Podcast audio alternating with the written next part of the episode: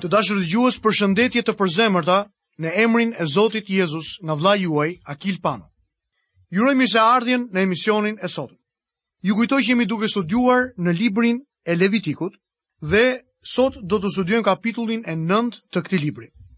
Përpara se të fillojmë studimin e kapitullit tonë, dua që t'ju kujtoj edhe një herë mësimin e kaluar. Në mësimin e kaluar kemi folur për veshjen e kryepriftit për nevojën e madhe të shenjtërimit të kryepriftit, pastrimin e priftërinjve dhe Aronit, dhe më pas kemi parë urdhrimet që iu dhanë Aronit dhe bijve të tij. Në këtë këtë mësim kemi parë rëndësinë e madhe të të qenurit i shenjtë, i pastruar, një instrument i pastër për t'u përdorur nga Perëndia. Në mësimin e sotëm do të studiojmë kapitullin e 9 të librit të Levitikut dhe menjëherë le t'i bëjmë një përmbledhje këtij kapitulli. Ky kapitull është mjaft interesant sepse jo vetëm shënon fillimin e Aronit dhe bijve të tij në shërbesën e priftërisë, por jep me imtësi ritualin ditor të shërbesës së priftërinjve me përjashtim të ditës së madhe të shlyerjes, shumë pak jepet në pjesën tjetër të shkrimit në lidhje me ritualin ditor. Kjo shënon kohën kur prifti për herë të parë u bë prift. Edhe pse dikush ishte pasardhës i Aronit, ai nuk mund të ishte plotësisht prift derisa të shenjtërohej. Fjala hebraike për shenjtërim, fjalë për fjalë, do të thotë të mbushësh dorën. Kjo do të thotë se ne vijmë tek Perëndia me duar të zbrasta. Shenjtërimi do të thotë të vish tek Perëndia me duar bosh dhe të kërkosh: Zot, çfarë do të më caktosh të bëj? Dhe Perëndia është ai që të mbush. Ky është shenjtërimi. Shumë njerëz mendojnë se duhet t'i sjellin diçka Perëndisë nëse duan të shenjtërohen. Disa të tjerë duket se mendojnë se po i japin shumë Zotit nëse japin veten e tyre. Miqtë e mi, nuk po i japim shumë atij. Gjithçka që mori Perëndia kur më mori mua ishte mëkati. Dhe kaq. Përkthimi në greqisht i dhjatës së vjetër përshtati fjalën greke teleio, për të shprehur shenjtërimin. Kjo shpreh të njëjtin mendim. Telos do të thotë fund dhe kjo do të thotë qëllimi, duke nënkuptuar që të arrish atë që Perëndia kërkon që ti të arrish. Do të thotë të përmbushësh fundin për të cilin ke lindur. Ne kemi lindur për qëllimin e plotësimit të trupit të Krishtit. Dhe ai lindi që të vinte këtu për të arritur qëllimin e Perëndisë në mënyrë që të mund të na sjellë në shtëpi në lavdi. Shkruesi i librit të Hebrejve në kapitullin e 2 dhe vargun e 10 thotë: Sepse i duhej atij për të cilin dhe nëpërmjet të cilit janë të gjitha, duke çuar shumë bij në lavdi, ta bënte të përsosur me anë të vuajtjeve realizuesin e shpëtimit të tyre. A mund ta shikoni që Jezusi u shenjtërua? Ai kishte një qëllim? Më poshtë tek libri i hebrejve sërish neve shikojmë. sepse ligji vë kryepriftër njerëz që kanë dobësi, por fjala e betimit që vjen pas ligjit vë birin që është i përkryer në jetë të jetës. Në këtë kapitull vihet re detyra dhe karakteri i Jezusit. Është Jezusi ai që arrin qëllimin, qëllimin e dhënë nga Perëndia në detyrën e tij. Lexojmë në vargun e parë dhe të dytë të kapitullit të 9 të librit të Levitikut. Do të shohim se si Aroni përgatitet për të filluar shërbesën e tij priftërore. Ndodhi në ditën e tetë që Moisiu thirri Aronin, bijtë e tij dhe pleqtë e Izraelit dhe i tha Aronit: Merr një viç për flijimin për mëkatin dhe një dash për një olokaust, që të dy pa të meta dhe ofroji para Zotit. E gjithë kjo u bë nën urdhrin e Perëndisë. Ata kishin zbatuar të gjitha detajet e 7 ditëve dhe tani, në ditën e 8, Aroni do të fillonte shërbesën e tij si kryeprift. Dita e tetë është dita e parë e javës. Në atë ditë Jezusi u ngrit së vdekurish. Krishti hyri në detyrën e tij si kryeprift pas vdekjes dhe ringjalljes së tij. Tek Hebrejt kapitulli 8 dhe vargu i 4 dhe në kapitullin e 9 vargjet 10 dhe 12, të gjitha këto vargje na tregojnë se po të ishte në tokë, Krishti nuk do të ishte prift. Vetëm pasi u ngrit në qiell, ai u bë kryeprift në tabernakullin që nuk është bërë nga duart e njerëzve. Nëpërmjet gjakut të tij, Jezusi hyri në vendin e shenjtë. Katër bijtë e Aronit morën detyrën e tij si kryeprift në ditën e parë të javës. Po ashtu, ne kemi katër ungjij që mbajnë dëshminë e faktit të vdekjes dhe ringjalljes së Krishtit. Sot ne kemi një prift të përsosur dhe të plotë. Përsëri tek Hebrejt kapitulli 5 dhe vargu i 9 na thuhet: Dhe si u bë i përkryer, u bë vepronjësi i shpëtimit të amshuar për të gjithë ata që i binden. Ne i bindemi Jezusit, kur e besojmë atë dhe kur i besojmë atij.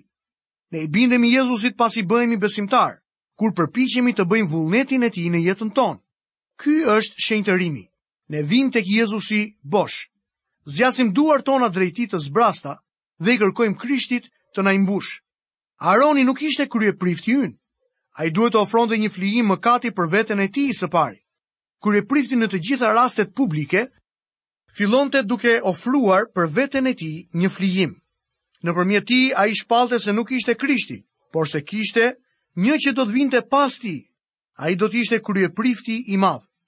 Shkruesi i Hebrenjve, në kapitullin e 7 dhe vargun e 27, na thuhet: I cili nuk ka nevojë çdo ditë si ata kryepriftërinjtë të ofrojë më parë për mëkatet e veta e pastaj për ato të popullit, sepse këtë e bëri një herë e mirë kur e kushtoi vetveten. Lexojmë tek Levitiku kapitulli 9, vargjet 3 dhe 4. Pastaj do t'u flasësh bijve të Izraelit duke u thënë: Merrni një cjap për flijimin për mëkatin, një viç dhe një qengj, që të dy motakë pa të meta për një holokaust, një dem të vogël dhe një dash për flijimin e falënderimit, për t'i flijuar përpara Zotit dhe një ofertë ushqimesh, të përziera me vaj, sepse sot Zoti do t'ju shfaqet. Aroni urdhëroi që të gjithë njerëzit t'i sillnin Perëndisë të gjitha flijimet me përjashtim të flijimit të shkeljes. Në fillim fare, nuk kishte nevojë për flijimin e shkeljes, sepse ata nuk kishin patur kohë të kryenin shkelje. Ata ofruan si zakonisht një cjap për flijimin për mëkatin. Një ofrim të dyfishtë prej një viçi dhe një qengji për holokaustin. Një ofrim të dyfishtë të një demi të vogël dhe një dashi flijimin e falënderimit, si edhe një ofertë të zakonshme ushqimesh. Atë ditë atyre do t'u shfaqej lavdia e Zotit. Kjo bëhej që të tregohej se mënyra e vetme se si i afrohemi Perëndisë është përmes vdekjes së Jezu Krishtit, kryepriftit të ringritur nga vdekja dhe të vendosur në të djathtën e Perëndisë në lavdi. Lexojmë vargjet 5 deri në vargun e 7. Dhe kështu ata sollën përpara çadrës së mbledhjes atë që Moisiu kishte urdhëruar dhe tërë asambleja u afrua dhe qëndroi në këmbë përpara Zotit. Atëherë Moisiu tha, kjo është ajo që Zoti ju ka urdhëruar, bëjeni dhe lavdia e Zotit do t'ju shfaqet. Pastaj Moisiu i tha Aronit, afroju altarit, paraqit flijimin tënd për mëkatin dhe holokaustin tënd, dhe bëj shlyerjen për vete dhe për popullin, paraqit gjithashtu ofertën e popullit dhe bëj shlyerjen për ta siç ka urdhëruar Perëndia. Njerëzit binden dhe Moisiu i siguron atyre se do t'u shfaqet lavdia e Zotit. Le të shohim Aronin i cili ofron flijimin për mëkatin. Lexojmë nga vargu 8 deri në vargun e 11. Kështu Aroni iu afrua altarit dhe theri viçin e flijimit për mëkatin që e kishte për vete. Pastaj bijtë e tij i paraqitën gjakun dhe ai ngjeu gishtin e tij në gjak dhe e vuri atë mbi brirët e altarit dhe derdhi mbetjen e gjakut në bazën e altarit, por dhjamin, veshkat dhe bulën e majme të mëlçisë së flijimit për mëkatin, i tymosi mbi altar, ashtu siç e kishte urdhëruar Zoti Moisiun. Mishin dhe lëkurën, përkundrazi, i dogji jashtë kampit. Këto vargje përshkruajnë se si Aaroni kreu ritualin e flijimit për mëkatin në një mënyrë shumë të detajuar. Flijimi për mëkatin ofrohej i pari. Përse? Kur flijimet paraqiteshin së pari, holokausti ishte i pari dhe flijimi për mëkatin i fundit. Siç e shihni, në fillim flijimet paraqiteshin nga këndvështrimi i Perëndisë, por tani po i afrohemi Perëndisë nga këndvështrimi i njeriut, Njeriu vjen tek Perëndia si një mëkatar. Miku im, ti dhe unë vijmë si mëkatarë. Në fillim duhet t'i jepet zgjidhje çështjes së mëkatit. Apostulli Pal shkruan tek Efesianët në kapitullin e parë dhe vargun e 7, në të cilin kemi shpengimin me anë të gjakut të tij, faljen e mëkateve sipas pasurisë së hirit të tij. Le të shohim se si Aaroni ofron holokaustin. Rituali për holokaustin ndiqej në mënyrë të detajuar. Në fillim Aaroni ofronte për veten e tij. Lexojmë vargun e 12 deri në vargun e 14. Pastaj theri holokaustin, bijtë e Aaronit i dhanë gjakun dhe ai e spërkati rreth e qark mbi altarin. Pastaj i dhanë holokaustin e bërë copë copë dhe kokën. Dhe ai i tymosi mbi altar. Lau zorrët dhe këmbët dhe i tymosi bashkë me holokaustin mbi altar. Pastaj paraqiteshin flijimi për mëkatin dhe holokausti për popullin.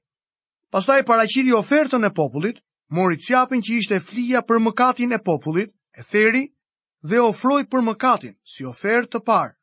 Pastaj paraqiti holokaustin dhe ofroi sipas rregullit të caktuar. E gjitha kjo është një tablo e Krishtit, por i pëlqeu Zotit ta rrihte dhe ta bënte të vuante, duke ofruar jetën e tij si flijim për mëkatin Ai do të shikojë pasardhës, do të zgjasë ditët e tij dhe vullneti i Zotit do të ketë mbarësi në duart e tij, shkruan profeti Isaia në kapitullin e 53 të librit të tij. Dhe më pas apostulli Pal na tregon, sepse ai bëri të jetë mëkat për ne, ai që nuk njihte mëkat, që ne të bëhemi drejtësia e Perëndisë në të. Flijimi për mëkatin është bërë mëkat. Krishti kishte mbi shpatulla mëkatin e botës si një glob i madh, një botë e tërë mëkati. Le të shohim më poshtë Aaronin, i cili ofron blatimet ushqimore dhe flijimet e falënderimit. Lexojmë nga vargu i 17 deri në vargun e 21 të kapitullit të 9 të Levitikut. Paraqiti pas kësaj blatimin e ushqimit. Mori një grusht prej tij dhe e tymosi mbi altar, përveç holokaustit të mëngjesit. Theri edhe demin e vogël edhe dashin, si flijim falënderimi për popullin. Bijtë e Aaronit i dhanë gjakun dhe ai e spërkati rreth e qark mbi altarin. I paraqitën dhjamin e kaut të dashit, bishtin e majmë, dhjamin që mbulon zorrët, veshkat dhe bulën e majme të mëlçisë. Vunë dhjamin mbi gjokset dhe ai tymosi dhjamin mbi altar. por gjokset dhe kofshën e djathtë, Aroni i tundi përpara Zotit si ofertë e tundur, sipas mënyrës që kishte urdhëruar Moisiu. Blatimi ushqimor ndiqte ritualin e zakonshëm. E njëta gjë është e vërtetë për flijimin e falënderimit. Aroni si përfaqësues i kombit, paraqet para Zotit, flijimet përmes derdhjes së gjakut, njerëzit pranohen. Më pas vjen edhe bekimi. Le çojmë Aroni, i cili bekon popullin dhe lavdia e Zotit shfaqet. Do të lexojmë nga vargjet 22 deri në vargun e 24. Pastaj Aroni ngriti duart e tij drejt popullit dhe e bekoi. Mbasi bëri flijimin për mëkatin, holokaustin dhe flijimin e falënderimit zbriti nga altari. Pastaj Moisiu dhe Aroni hynë në çadrën e mbledhjes. Pastaj dolën dhe bekuan popullin. Atëherë lavdia e Zotit iu shfaq tërë popullit. Pastaj një zjarr doli nga prania e Zotit dhe konsumoi mbi altar, holokaustin dhe dhjamin. Tërë populli e pa, shpërtheu në britma gëzimi dhe u përul me fytyrë për tokë. Bekimi vjen pas ofrimit të tre flijimeve, flijimit për mëkatin, holokaustit dhe flijimit të falënderimit. Pastaj Moisiu dhe Aroni tërhiqeshin në tabernakull.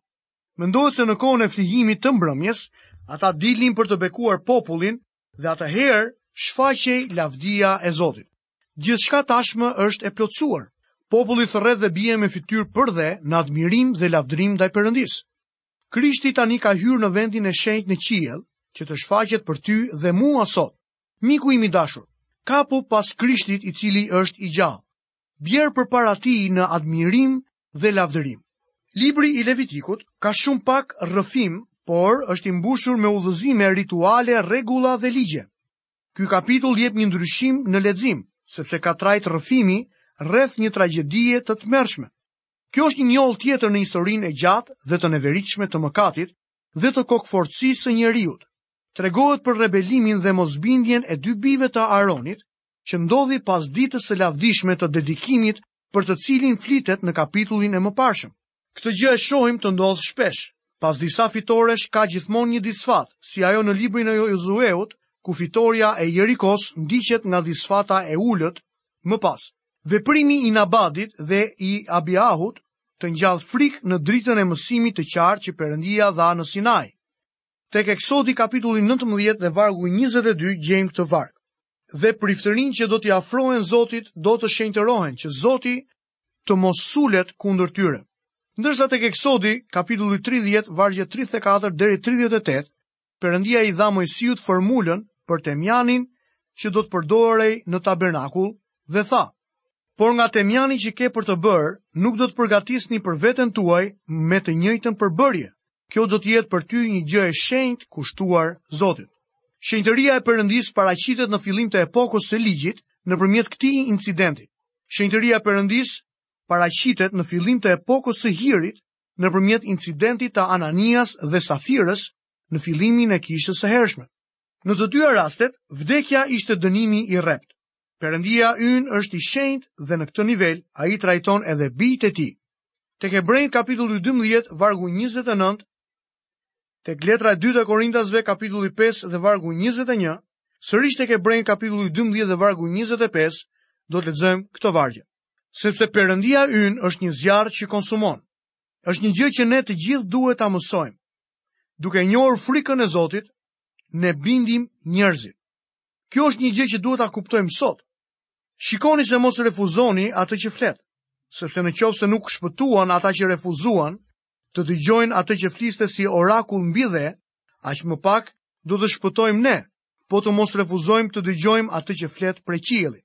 Ky është një nga mëkatet e mëdha të kohës sonë. Njerëzit nuk po e dëgjojnë atë që Perëndia ka për të thënë nëpërmes fjalës së tij. Le të shohim incidentin në lidhje me Nabadin dhe Abihun, bijtë e Aronit.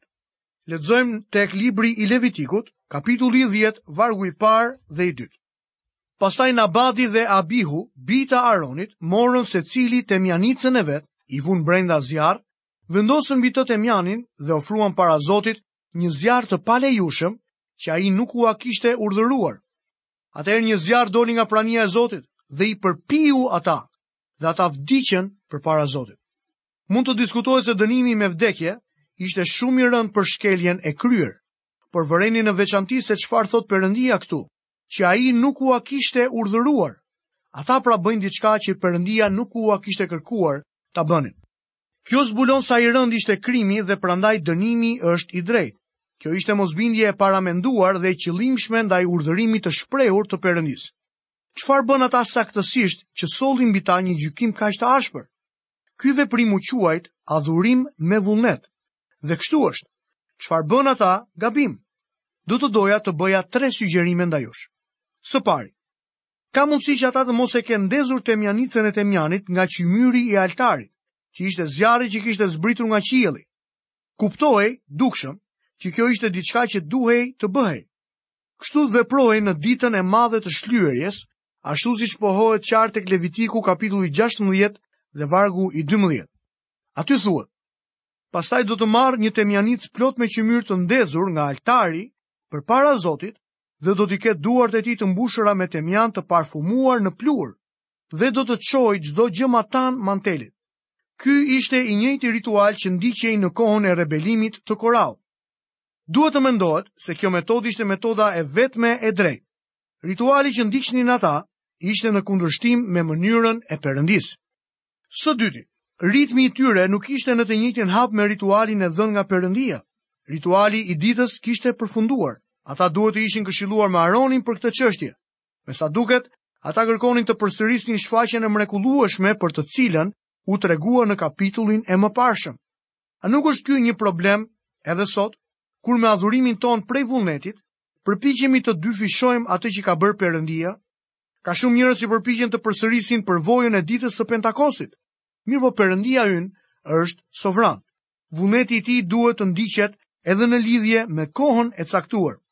Fryma e Perëndisë do të lëvizë sipas vullnetit të Perëndisë. Ne thjesht duhet ta vëmë veten tonë në dispozicionin e tij dhe t'i bindemi atij. Së treti, të tjerë kanë supozuar se u futën përtej velit, gjë që ishte tërësisht e ndaluar. Ka një shfajësim për këndvështrimin e tyre. Ashtu siç na pohohet dhe tek libri i Levitikut, në kapitullin e 16, kapitull të cilin do ta studiojmë në mësimet e ardhshme, në vargun e parë dhe të dytë, ku na thuhet. Zoti i tha Mojsiut, pas vdekjes së dy bijve të Aronit që vdiqën kur u paraqitën para Zotit me zjarr të ndaluar. Zoti i tha Mojsiut, Foli Aronit vëllait tënd dhe thuaji të mos hyjë në çfarëdo kohe në shenjtërore, përtej perdes, përpara pajtuesit që ndodhet mbi arkë, që të mos vdesë, sepse unë do të shfaqem në renë mbi pajtuesin. Duket se ky ndalim buroi nga incidenti i Nabadit dhe Abihut. Ata kishin gabuar në lidhje me vendin ku duhet të vinin. Perëndia i kishte urdhëruar ata në lidhje me mënyrën kohën dhe vendin. Por këta individë gabuan në të treja këto gjëra. Të dashur dëgjues, këtu kemi mbërritur dhe në fundin e programit të sotëm. Nuk mund ta mbyll këtë program pa përmendur faktin e rëndësishëm të këtij mësimi. Sa mirënjohës jam Perëndisë që sot për ne të mund të hyjmë në prezencën e tij, ka mjaftuar sakrifica dhe flijimi i Zotit Jezu Krisht. Lavdi Perëndisë së gjallë për gjakun e derdhur të birit të tij në kryq. Nga ana tjetër, le të kuptojmë se sa i rrezikshëm është mëkati në praninë e Zotit. Ne nuk mund të hyjmë me mëkat në prezencën e Zotit dhe të përjetojmë paqen dhe bekimet e tij. Për këtë arsye, le të kemi zemrat tona të thyera, çdo herë që dalim përpara pranisë së Zotit dhe të kërkojmë që Perëndia të na pastrojë dhe të na falë nga çdo paudhësi. I dashur dëgjues, nga vëllai juaj në Krishtin Akil Pano, keni të gjitha bekimet e Perëndisë dhe paqen e Tij në jetën tuaj. Bashkë mirudëgjofshim në programin e ardhshëm.